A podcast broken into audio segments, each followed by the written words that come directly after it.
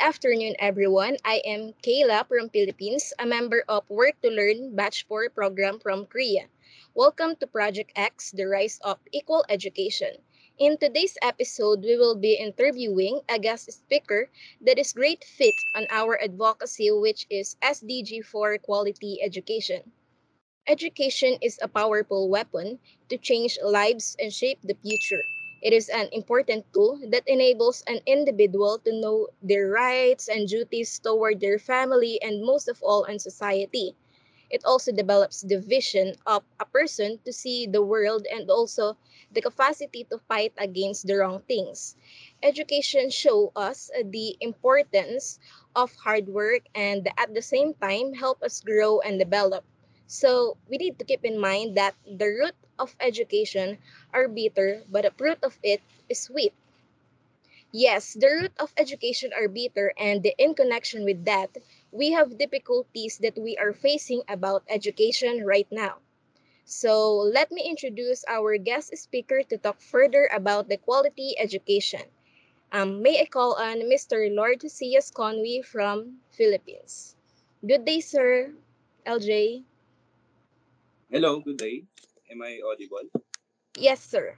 Um, first of all, um, thank you so much for coming to our event and agreeing to be interviewed by our team. Um, before we start, can you give some introduction about yourself, sir, so that the viewers will know some of your academic background? Um, yes, uh, I am uh, Lord Jose C. I'm currently I'm the chairperson for online course development here in the Philippines at De La Salle Medical and Health Science Institute. Also, I am also a senior high school teacher. Um, I've been uh, working for like my teaching career is like for almost five years now, working at um, colleges, senior high schools, and um, some institution and non-government organization, specifically in providing and also um, providing a mental health um, awareness, also specifically mental health first aid to many people, and that's all. Okay, sir. Thank you for introducing yourself, sir. Um, can I ask, sir, how is the Philippines right now? Though I am also from the Philippines, but I want to ask since uh, there is a diversity among individual and it's pretty close to Easter, right? Yeah. So for now, um, I think um, they, they just have we're just um, adjusting on the uh, new normal. When I say new normal, is going back to the old normal. However, um, we are very fortunate here because most of the Filipinos are vaccinated, as well as um, they are complying on the protocols issued by the government. So I hope that um, for the next months um, it will be good. At the same time, we'll have um, a good outcome when it comes to our safety and health and security as well. Um, great to hear that, sir. Okay, um, enough with the chit chat and let's cut into the chase. So we will be dividing the Q&A session into two parts. On the first part, the question will be about the dilemma of SDG4 and then after that we will be having some kind of interval where I will be asking some opinions of the work to learn members where the speaker could have a break. After that, we will go to the second part of the talk, which is the importance of SDG4. So, are you ready, sir? Yes, I am. Okay, sir. Let's get started. Okay. Um, quality education is the root that will authorize many other sustainable development goals to be achieved. When an individual are able to get quality education, they can break from the cycle of poverty. So, education therefore helps to reduce the inequalities and reach gender equality. It also empowers people everywhere to live more healthy and have sustainable lives with that, um, we want to ask sir, where do you believe the problem of quality education is started and how do you think we should start to solve it? Okay. So uh, let me ask the first question. Where do you believe the problem of quality education started? I think um, it's the basic unit of society. It's in the family. Um, the problem arises in the family. And because the family is the root cause of everything, it comes with the generation and the culture of the society.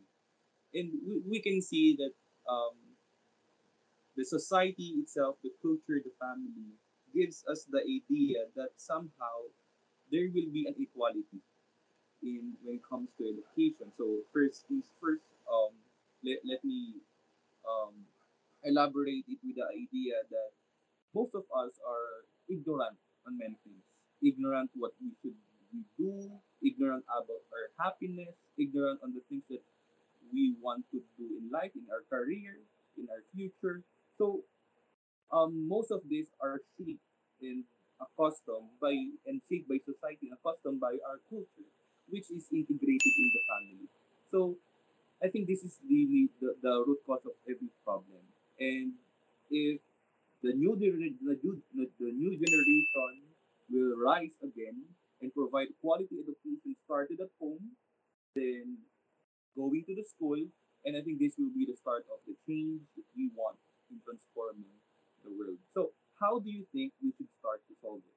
I think we should first go on the micro level on on the very first basis. Uh, actually, on my on my advocacy or one of my advocacy in life is go to rural areas, go to provinces, go to some places that we're not be able to know what is writing, what is reading, and because of this, on micro level, we will now be able to encourage them and ask them or make them curious about life because in, in, in global problem about education, this is not just about the, the macro level or the companies.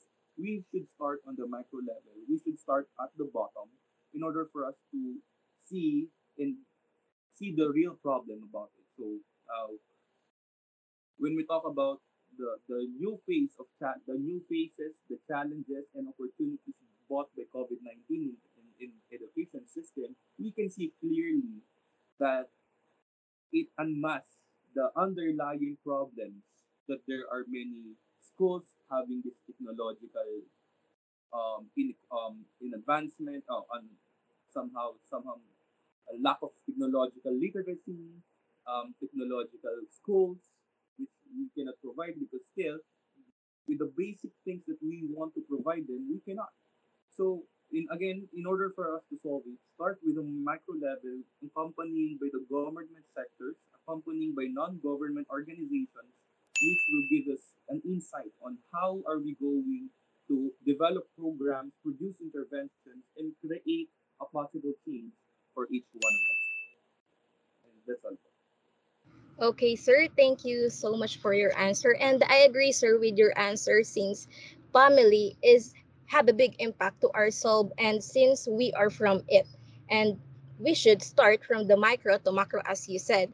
And I want to add, sir, that for me the problem of quality education started because of poverty. Since if there is a poverty, there is a lack of funding for education there is no teacher or an untrained teacher, and there is no classroom and lack of learning materials. And for me, how can we solve it? By the Universal Declaration of Human Rights that makes clear that every child has the right to pre basic education. So, poverty um, and lack of money should not be a barrier to schooling. So, government in different countries should be the one who will implement that, as you said. And in my opinion, that's the first thing on how can we start solving the problem of quality education. So, so going back, sir, in connection with the first question and your answer, since you stated that the problem of quality education starts with the family, so do you think education is the source of societal problem? Um, yes, it is. Um, it lack of education is the source of societal problems, and it is stipulated by Plato, stipulated by 500 AD or BC, in which that ignorance is the start of all evil. Ignorance is the start of many casualties and problems when we talk about war, when we talk about happiness, because when we go back to the philosophical underpinning of societal problems, each of us have interests. Each of us have this aspect of I want to be happy. But the definition of happiness for me may not vary upon you. So it differs upon us. So somehow there's a contradiction in this. So because of these contradictions gives some societal problems that occur and the, the the the education will cure the social ill stated by Horace Mann because of the thing that education is not just about enlightenment. It's about more of awakening of the ignorant people that why should we do and what we should do about in our life. So for example, um, for example, a young man who has uh, uh, been wealthy for almost of his life may indulge himself to any kinds of vices, any kinds of the things that makes him happy. But is is it because of this man is having um, a wrong notion of happiness? No, definitely because he may have his own version of happiness. However, because if, if we were going to educate this young man what is the real definition of happiness, which, is anchored on to many social problems that we have in life, this will cure the social ill through education. So I think that's it. Okay, thank you, sir. Yes, um, it is the source of um, the education is the source of societal problems since because of the ignorance. And I want to add, add again that education is for me, sir. ah, Education is not the only source of um, societal problem, but its system, the education system, is the root cause of unemployment, income disparity, and social happiness, unhappiness, just like what you said. But it is not the only source of societal problems, considering that countries experience poverty and etc. have more impact. That's why people can afford to study. And education is one source of societal problem.